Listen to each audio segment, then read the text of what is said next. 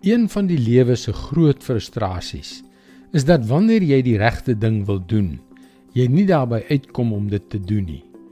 Of is dit net ek wat hiermee sukkel? Nee, ek dink nie so nie. Ons het die beste voornemens, maar dan loop dit skeef. Hallo, ek is Jockey Gouchee vir Bernie Diamond en welkom weer by Vars. Noem dit wat jy wil. Mislukking, 'n struikelblok, sonde, Die benaming maak nie soveel saak as die uitkoms nie. Ek het 'n diep begeerte om Jesus te volg, 'n ware passie om die waarheid te sê. Ek hoop en bid dat dit met jou ook die geval is. En wanneer ons die ware betekenis verstaan van wat hy vir ons gedoen het toe hy aan die kruis gesterf het om die prys wat God se geregtigheid vir ons sonde eis te betaal, word die begeerte om hom te eer, om hom te volg om hom te dien en ja om hom te gehoorsaam nog sterker.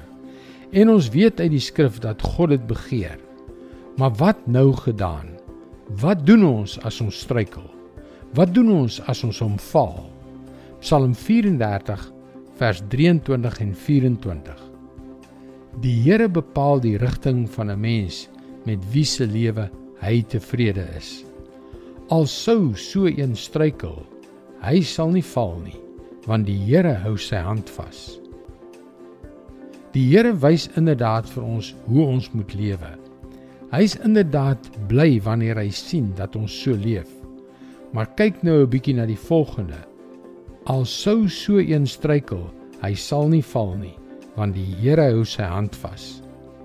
Hy is hier, hy is gereed. Hy wag om ons te ondersteun wanneer ons struikel, sodat ons nie val nie. Dit is goeie nuus nie waar nie. Dit lyk vir my dat 'n struikeling wat jou nederig maak, baie beter is as 'n prestasie wat jou trots maak, want dit maak jou afhanklik van God se genade. Dit is God se woord vars vir jou vandag.